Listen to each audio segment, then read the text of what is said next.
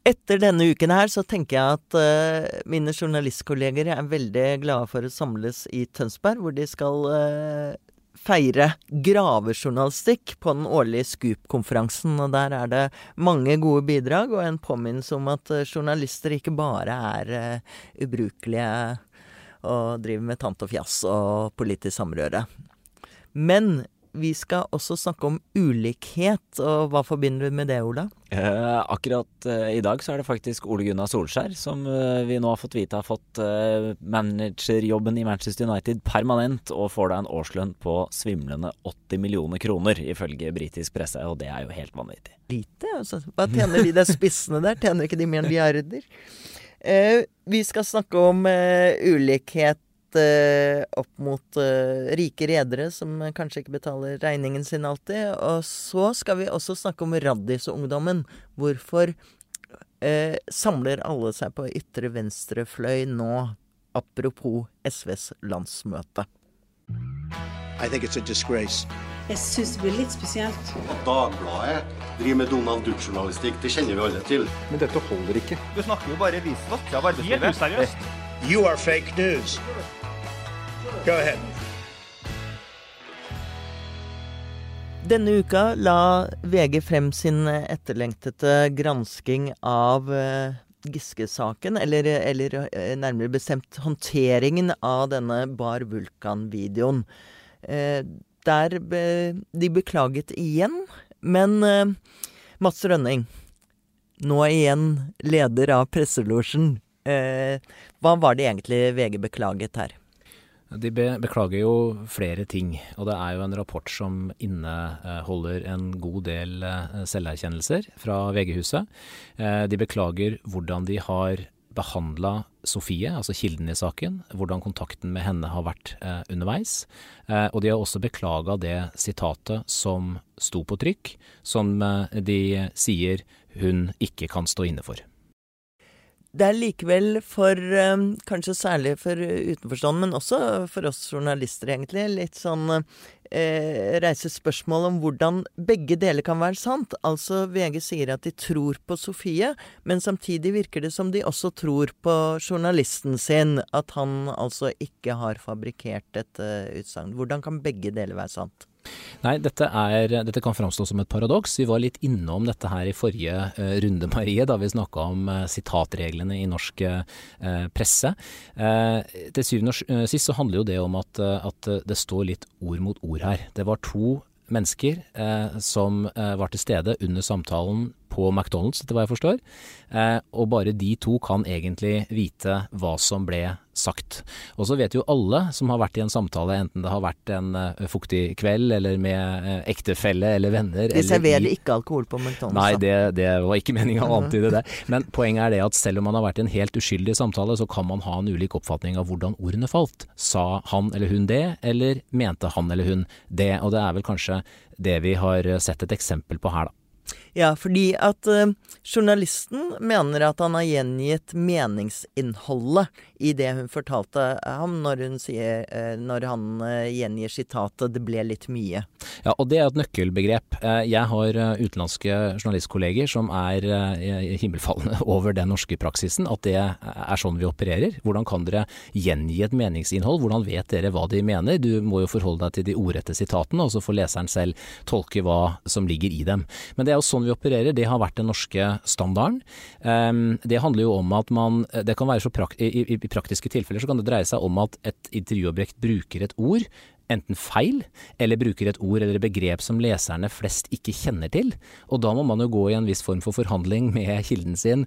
Det ordet der, det er, kan vi ikke bruke, for jeg tror ikke folk vil forstå hva du mener med det. Og alle som har tatt opp noe på bånd, eller hører på denne podkasten, så vet de at, eh, at, folk snakker i halve setninger og alltid er ikke helt presise. Det, det, er helt riktig. Og jeg har snakka med statsminister Erna Solberg mange ganger. Hun har det eh, ved seg at hun er veldig flink muntlig. Når du prøver å skrive ordrett det hun skriver, så henger ikke alltid setningene sammen. Og det har hun til felles med en annen norsk statsminister, som fikk uh, dette i fleisen av en portrettskribent som heter Nils Gelmyden. Det husker du du sikkert, Marie. Det var skrev, Gro. Ja, det var Gro. Han skrev ordrett hva hun sa, og det var, det var ikke, totalt usammenhengende. Veldig vanskelig å forstå. Ja. ja.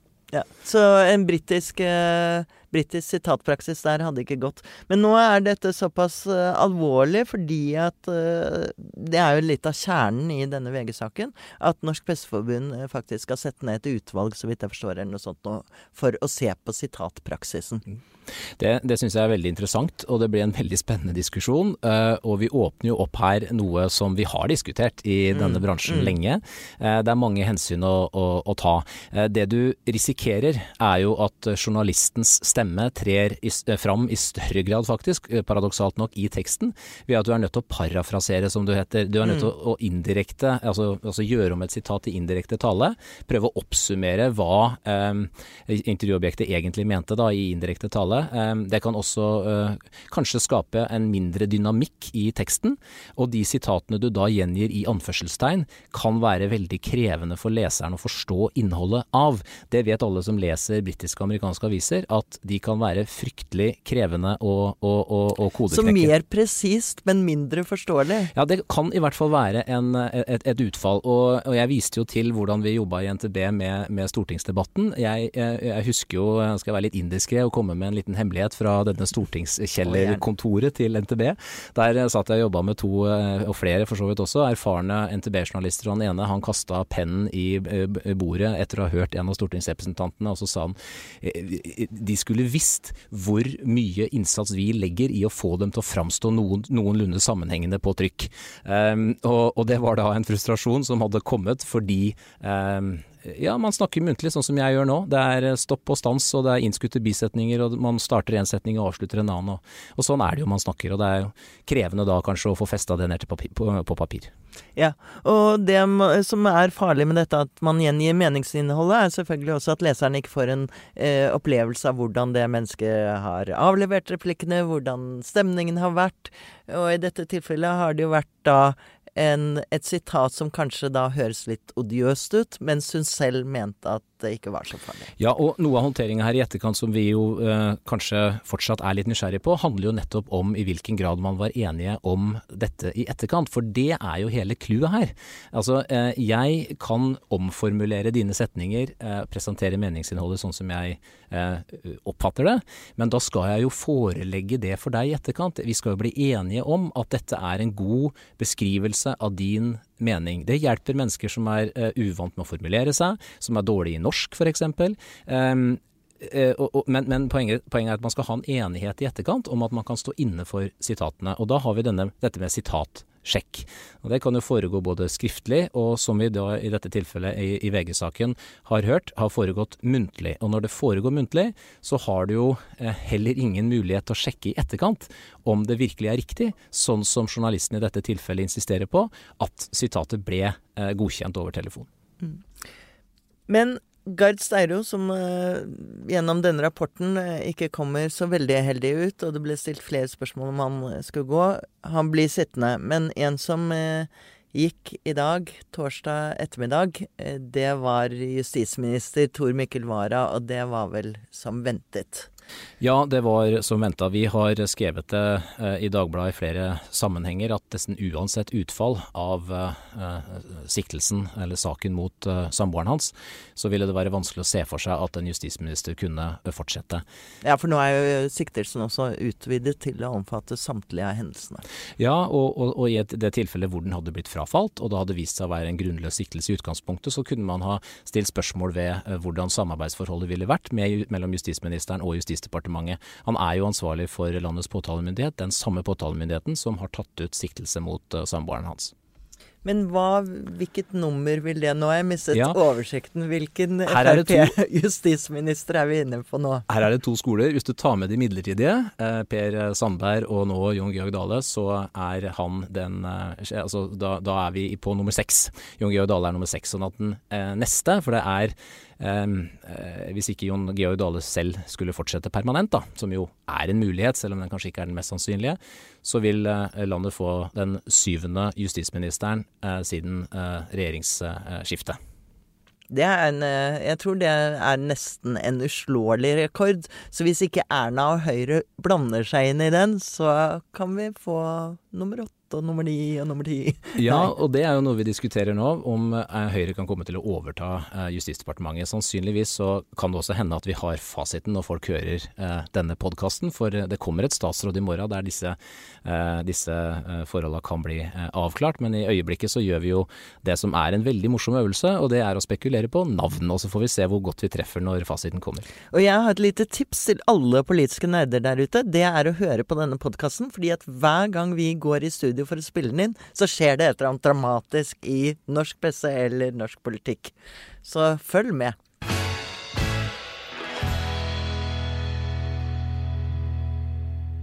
Det skyller en slags vekkelse over landet igjen. Kidsa, som jeg har funnet ut at jeg ikke får lov til å kalle dem, men ungdommen, barn og ungdom, da, tar til gatene i klimademonstrasjoner. De stemmer Rødt og SV en masse, og selvfølgelig også MDG. Eh, Denne uka har SV landsmøte, og de eh, er eh, i medvind. De har ligget høyt i meningsmålingene hele vinter, men det som er uvanlig, er at Rødt også ligger høyt. Og dette skal vi snakke litt om, komme til bunns i dette fenomenet. Eh, og da har vi fått en som er eh, Jeg vet nesten ingen som er mer kvalifisert til å mene om dette her. Beate Nossum, leder i det grønne PR-byrået Foot Footprint. Tidligere rådgiver for Kristin Halvorsen. Tidligere politisk redaktør. Og tidligere Dagbladet-kommentator. Altså. Det er mye rart man skal holde på med. da, da vet du mye om hva som foregår på, på venstresiden. Hva, hva er det som gjør at uh, disse partiene, to partiene på venstrefløyen, for å ta de først, er, har så tiltrekning på de unge? Hei, jeg tror det er jo to ting i hovedsak. Og det ene er litt kjedelig å snakke om, eh, altså Arbeiderpartiets eh, stillstand. Så hvis vi fokuserer på hva skal jeg si, den andre hovedtrenden, så er det jo en sånn eh, ganske kraftig radikalisering eh, som skyldes at uh, ungdommen opplever at vi står i en tid hvor man på en måte må ta stilling til store saker og store spørsmål. Så fra det at man tar stilling til om man på en måte tilhører den ene eller andre blokken, om man er liksom sosialist eller, eller kapitalist eller, eller sånn som vi tenkte kanskje når, når jeg var ung, at vi tilhørte på en måte en av de røde, de røde eller det blå, så er ungdommen i dag utrolig mye mer saksorientert. Aksjonistiske, vil du si? det? Ja, aksjonistisk, men det som er helt interessant, at det gjelder jo ikke bare ungdommen heller. Fordi eh, det har vært mye snakk om siste, siste par årene viktigheten av å ha liksom sakseierskap. Og det vi ser nå med de partiene som eh, hva skal jeg si, blomstrer virkelig på venstresida, hvis vi tar med Senterpartiet i tillegg, så er det jo det at de tar tak i enkeltsaker, tydeliggjør dem på en veldig tabloid måte, og så knytter de masse følelser til de her sakene. Og så har vi da resten av det politiske landskapet, Arbeiderpartiet inkludert, som svarer med et slags rasjonale, ikke sant, forklarer på den ene og den andre sida. Men eh, vi vet jo alle sammen, og særlig vi som eh, jobber med kommunikasjon, at hvis du har rasjonelle argumenter som møter, hva skal jeg si, emosjonelle følelser, så vil det emosjonelle alltid vinne.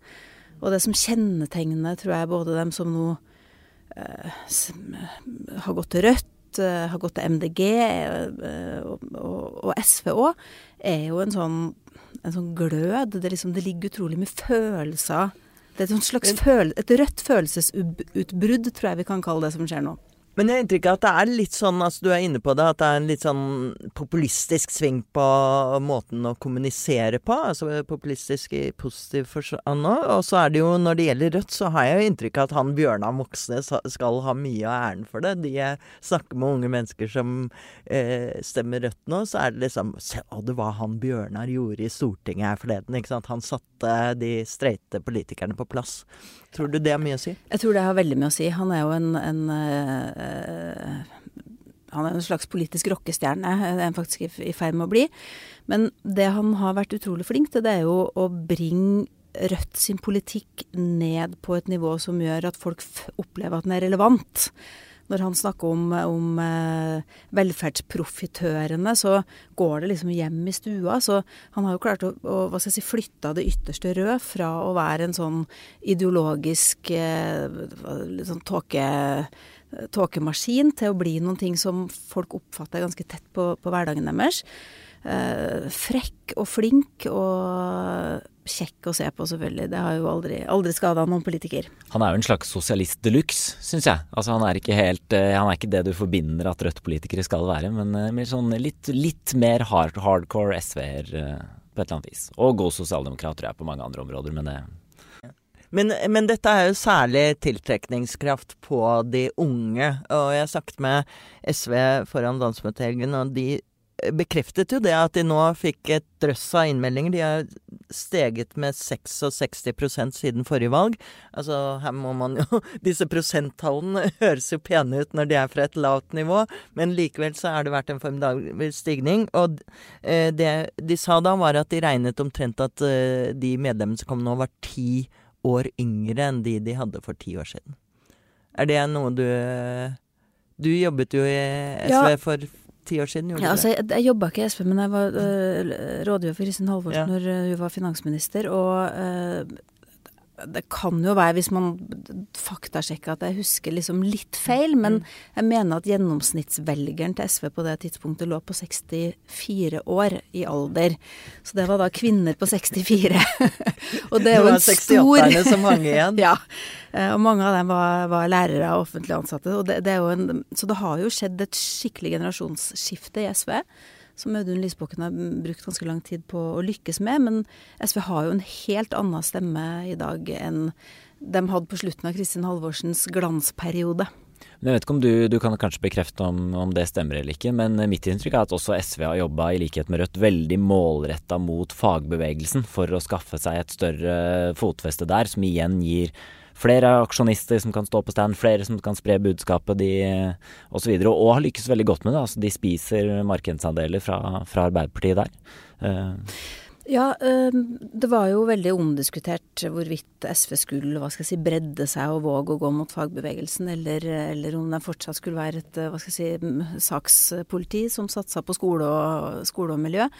Men jeg tror jo dem For det vi ser nå som er kjempemorsomt å følge med på, er jo at vi er plutselig en sånn mobiliseringens tid. Enten det er på høyresida eller venstresida, så kan du si at høyresida kanskje ligget litt i forkant. Hvis vi ser Europa og andre steder at det har vært en sånn voldsom mobiliseringstrang. Folk går i gatene, melder seg inn i organisasjoner i det hele tatt. Og nå ser vi det samme på, på venstresida i, i, Norge, og det er jo ikke Og klimasaken, som jo du selvfølgelig er spesielt opptatt av, eh, er en kjerne tema i den saken som engasjerer, og som jo selvfølgelig SV særlig eh, vil ha eierskap til. Men de hadde noen rare tall her forleden som viste at eh, de kanskje ikke eide den saken så sterkt som de trodde. Nei, det som er spesielt med klimasaken nå, er jo at den mobiliserer så utrolig bredt. At enten du er medlem av Unge Høyre eller AUF eller SU eller Grønn Ungdom, så er det på en måte det som er den aller viktigste saken. Og den bredden i hva skal jeg si, mobilisering tror jeg ikke vi har sett på et par generasjoner. Sånn var det jo ikke når vi var unge, Marie. Da var vi jo sortkledd og altså, hørte på punk og kasta egg på Carl I. Hagen. Da jeg var ung, var det en unge høyrebølge over, over landet. Eh, da var det jappetid.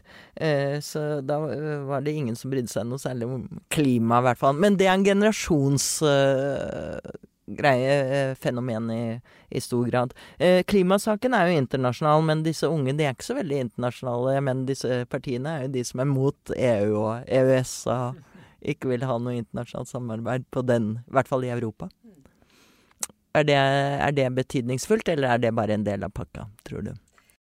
Jeg tror hvis vi snakker om de skoleungdommene som streiker, så tror jeg deres engasjement eh, ikke bredde seg så, så vidt som til å Hva skal jeg si eh, jeg, jeg, tror ikke det er noe iboende EU-diskusjon eller den type ting der, men det er jo et veldig kraftfullt nei, da. Og, og, vi ser jo det egentlig over hele verden når det gjelder klimasaken. Og det som er spesielt i Norge, er at den er så veldig knytta til, til norsk oljepolitikk.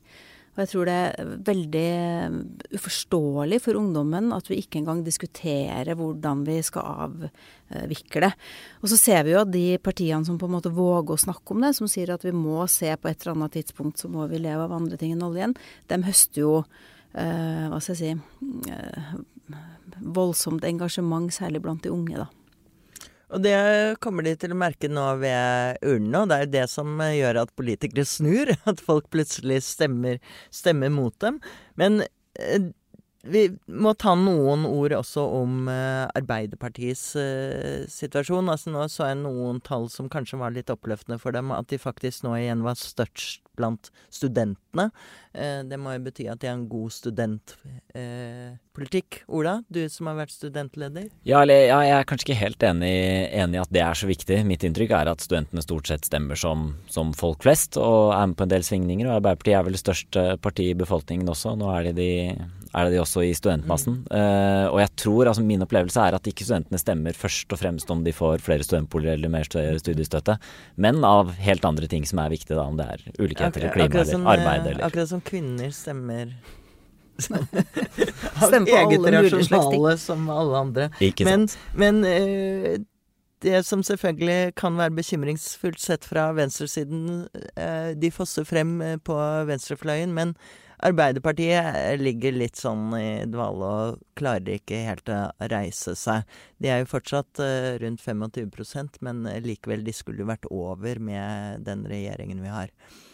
Eh, hva er det som er det, er det Kan du si at det er de store styringspartiene som straffes av denne nye, litt sånn eh, saksorienterte, aksjonistiske engasjementet? Ja, det vil jeg tro, men eh, samtidig så straffes jo Høyre ikke. Eh, men jeg tror selvfølgelig det skyldes Giske-saken og den interne maktkampen og alt som har foregått eh, i Arbeiderpartiet, som alle jo nå håper at de eh, kan ha lagt bak seg. Men så tror jeg samtidig, når vi er i en tid hvor vi er en veldig sånn polarisert tid nå, egentlig. Debatten er polarisert, Facebook er polarisert. Det er utrolig mye følelser. Og den som klarer å på en måte hekte saken sin på en sånn hva skal jeg si, litt sånn polarisert trend, det er dem som vinner frem. Um, og det klarer jo sakspartiene ganske Og det ser du Senterpartiet. Herregud. Senterpartiet er helt fantastisk. De har jo gjort det der til en kunstform. Ja. Mens hvis du eh, ser på, på Arbeiderpartiet, så er det vanskelig å være et parti som på en måte er litt på den ene og den andre sida. Det er noe å snakke om kompromiss, dialog, liksom De skal tekkes Hver gang noen snakker om klima i eh, Arbeiderpartiet, og nå må vi gjøre noe med oljen og sånn, så kommer det ut en eller annen Da kommer Karl Eirik Skjøtt Pedersen, gitt, og setter foten ned. Jeg hørte Espen Barth Eide i Stortingets spørretime den, eh, den uka her, og da, da sa han at sånn kan vi ikke bare liksom erkjenne at vi ikke har gjort nok, og at vi må gjøre det bedre framover. Så han var hørtes nesten litt sånn oppgitt ut. Nå må vi bare skjerpe oss, Høyre og Arbeiderpartiet. Vi har ikke gjort nok, vi må gjøre mer. Kom igjen, liksom. Men, men eh, altså den eh, fraksjonen, eller den delen av stortingsgruppa til Arbeiderpartiet som jobber med, med klima og miljø, er jo en superflink gjeng. Og de har jo flytta, det er det som er litt interessant, at Arbeiderpartiet har flytta seg til venstre. Og de har endra klimapolitikken i ganske stor grad. Men de kan ikke være tydelige nok av hensyn til alle de hva skal vi kalle fossile velgerne sine, og dermed så blir de ekstremt utydelige. Jeg fant en ny nestleder nå som, som ikke var så veldig for å, for å nedlegge oljeindustrien, for å si det sånn. Er ingen er jo for å nedlegge oljeindustrien, men, det men det er liksom et eller annet med å ta tak i Men ikke være med på den politikken og diskutere det i det hele tatt. Eh, Det er jo det man eh, kanskje opplever, at eh, de to standpunktene står mot hverandre. Og så er det jo noe med at da har de jo satt seg helt på sida av debatten. Og det er jo et ganske spesielt eh, strategisk valg. Mm. Og de som ikke er på ungdoms side, de dør ut. Ja, Det er jo sånn dem som ikke fornyer seg, dem forvitrer. Takk for at du kom, Beate. Det var, eh, det var morsomt å snakke med deg igjen. Kanskje du får komme tilbake og være kommentator i podden, om ikke annet.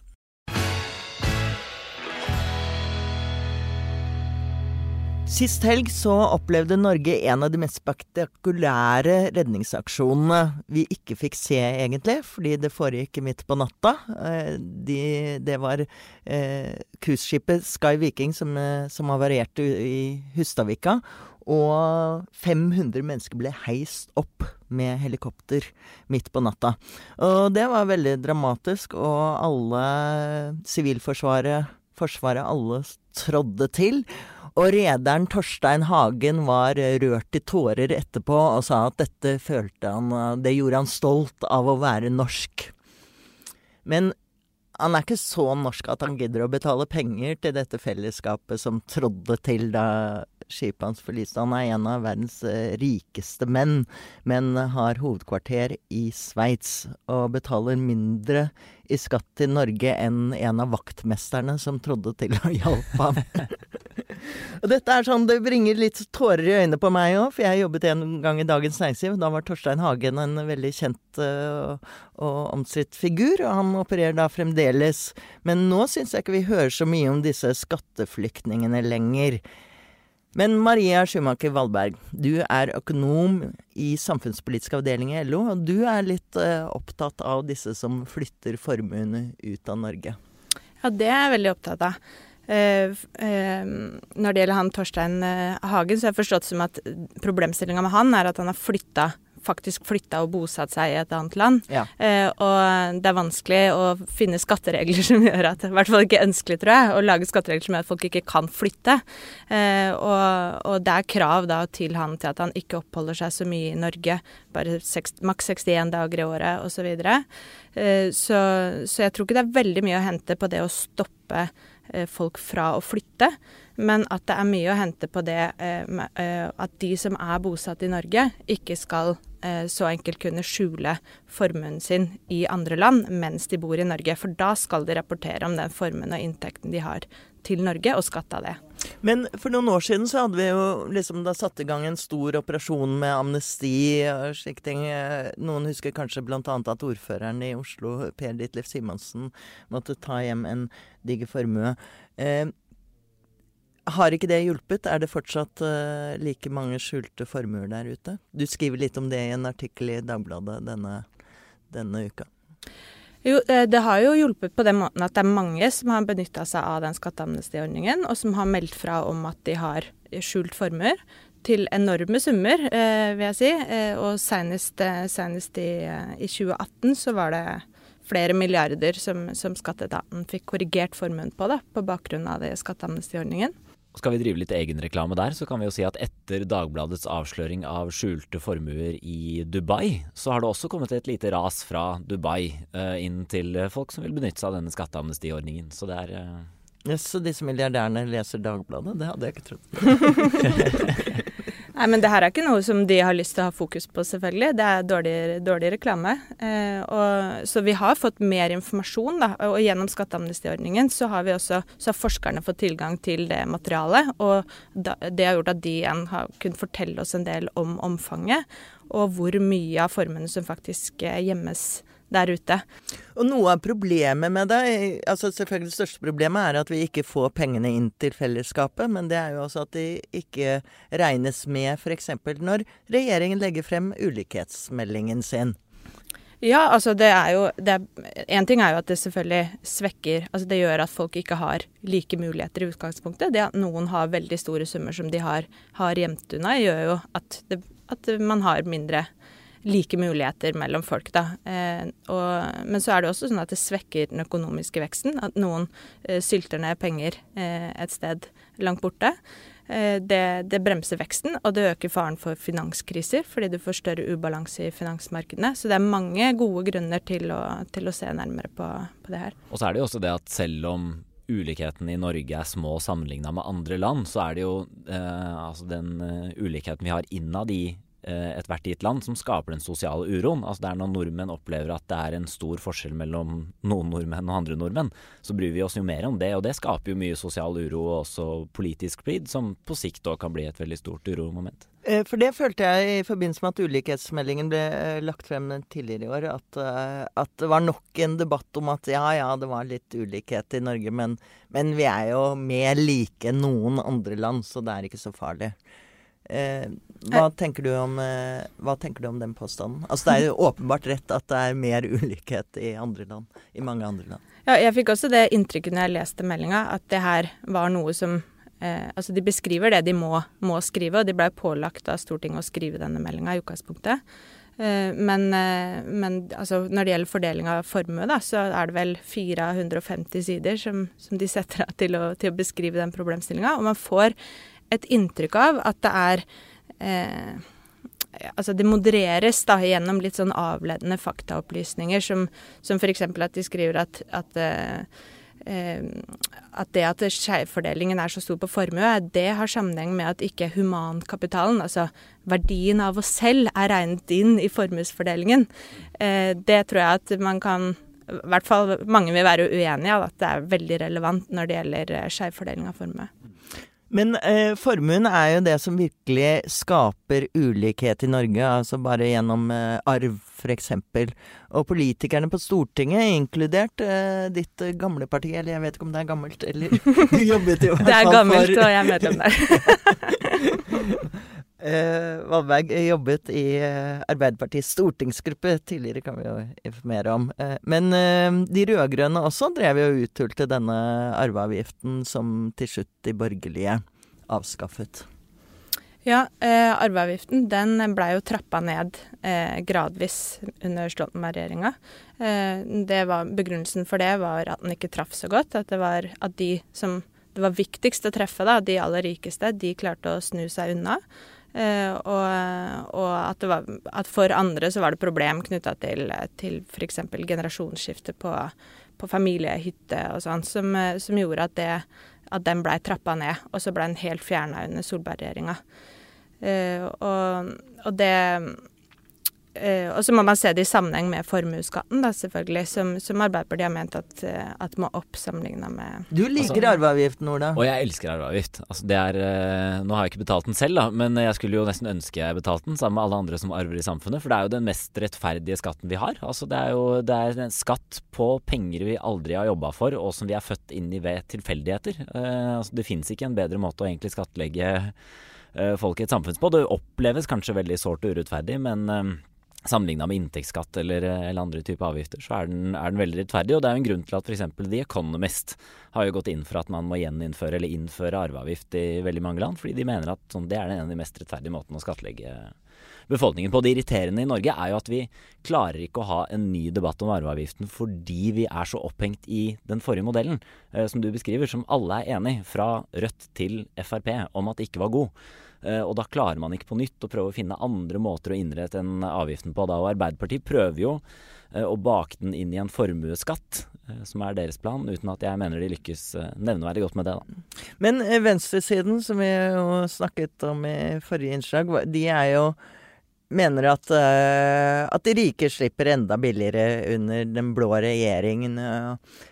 Mens Øystein Strauss Betalen, kjent finansinvestor, han mener at det er helt feil, at de rike betaler mer enn noen gang. Hvem har rett her? Eh, altså, det minner litt om Siv Jensen sin argumentasjon knytta til skattekutt. Eh, fordi hun sier at, at eh, eh, For det er jo det er helt utvilsomt sånn at de har gitt mest skattekutt til de som har størst inntekt, men hun ser på samla sett, så er det jo sånn at eh, det er flere innbyggere med lav inntekt. Så hvis du bare legger sammen all deres, alle deres skattekutt, så blir summen til slutt stor. Eh, og igjen, det er litt sånn avledende argumentasjon som kanskje kan være vanskelig for mange å henge med på. Men det er jo litt det at, at de rike betaler mer skatt, har sammenheng med at de har blitt mye rikere. Og det er jo også noe av innvendingen mot, uh, mot at man ser på disse forskjellene i Norge. At man f.eks. sier at uh, en tidel, at de som drar fra, uh, er det som gjør de store forskjellene. At det er den øverste tidelen som drar fra. Men de skylder jo på at dette er svingninger i børs og alt mulig sånn. Men også hvis man deler befolkningen i to, så oppdager man at den nederste halvdelen har eier 2,5% eller et eller annet sånt Så det er jo en enorm forskjell mellom den øverste delen og den nederste delen. Ja, det er det. det er de 10% med mest, de eier over halvparten. Eh, og de 60% i bånn eier 8-9 Så det, det er store, store forskjeller. Og dette gir jo grunn til bekymring. Altså, vi bør både være bekymra over at den rikeste tiendedelen drar ifra, og så bør vi være bekymra at vi, vi, risikerer, hvis vi fortsetter som nå, å miste, miste bunnen. Altså de ti prosentene på bunnen som også står i fare for å falle helt ut. Og der har man jo mye forskning allerede som viser at eh, folk som er født av foreldre i den andelen, de får dårligere vilkår på nesten alle områder i livet.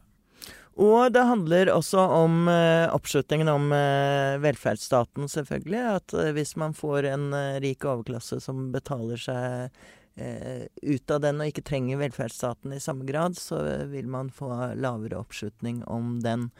Men hva er løsningen, Valberg? Hva, hva ser du liksom som målet på en utjevning? Mener du at eh, det må en økt utjevning til for å bremse denne utviklingen? Ja, altså, eh, Når det gjelder eh, forskjellene i lønn og inntekt, så mener jeg at veldig mye av svaret ligger i arbeidsmarkedet og måten det er organisert på. Men hvis vi skal snakke om formuefordelinga, så, så, er det jo skatt som er det, er det viktigste virkemidlet vi har.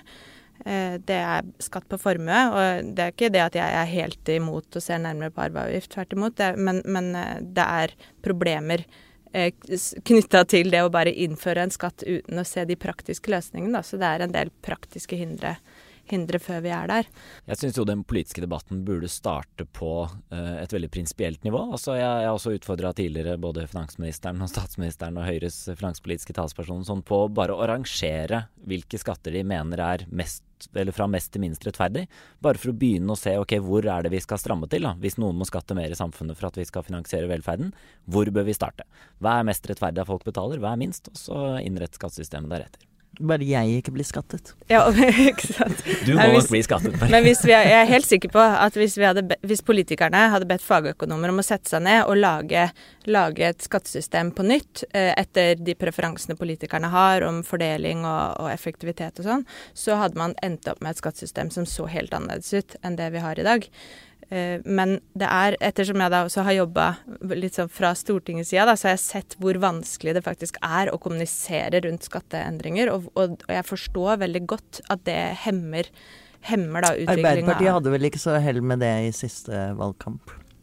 Altså jeg vil si at De som virkelig har fått eh, negativ oppmerksomhet år for år rundt skatteopplegget sitt, det er jo det som, som regjeringa har lagt fram. Da. Det har vært, vært, vært veldig mye kritikk om de Eh, om de skattekutta som, eh, som, de har gjort. Eh, men, men et, et, godt eksempel da, synes jeg som, som, gjorde inntrykk på meg, det var at etter at regjeringa foreslo veldig stor kutt i formuesskatten, så, så, foreslo Arbeiderpartiet å reversere det igjen, altså dvs. Si øke formuesskatten. Og det var ikke snakk om å øke at flere skulle betale formuesskatt, men at de aller rikeste skulle betale mer. Eh, og det ble slått opp, jeg husker ikke om det var VG eller Dagbladet, så slo opp det stort, eh, med, eh, med da overskriften at pensjonistene skal skattlegges hardere. Eh, og det, det, er jo fordi at veldig mange av de rikeste er eh, pensjonister. Det er jo 68-erne som, som, har kommet best ut av, av, på veldig mm. mange måter. Mm. Eh, men det gjorde at vi fikk en sånn storm av brev og telefoner av bekymra pensjonister som absolutt ikke var i skatteposisjon for å betale formuesskatt, men som blei ble oppriktig bekymra. Og det, det, gjør jo at, at partiene også blir veldig forsiktige om å diskutere skatteendringer. Noe av problemet i Norge føler jeg er at det er for mange som tror at de kan bli rike, så vi har ikke den der gruppen som sitter 'eat the rich', som jeg syns er et eh, bra slagord. Eh, som man opplever i land med større forskjeller. Men, eh, men uh, ulikhetsdebatten, jeg er enig i at den har vært, vært slapp. Vi, vi, har i hvert fall gjort et lite forsøk på å få den opp igjen. Ikke sant, Ola? Ja. Tusen takk, eh, Maria, for at du kom til podden. Takk for meg.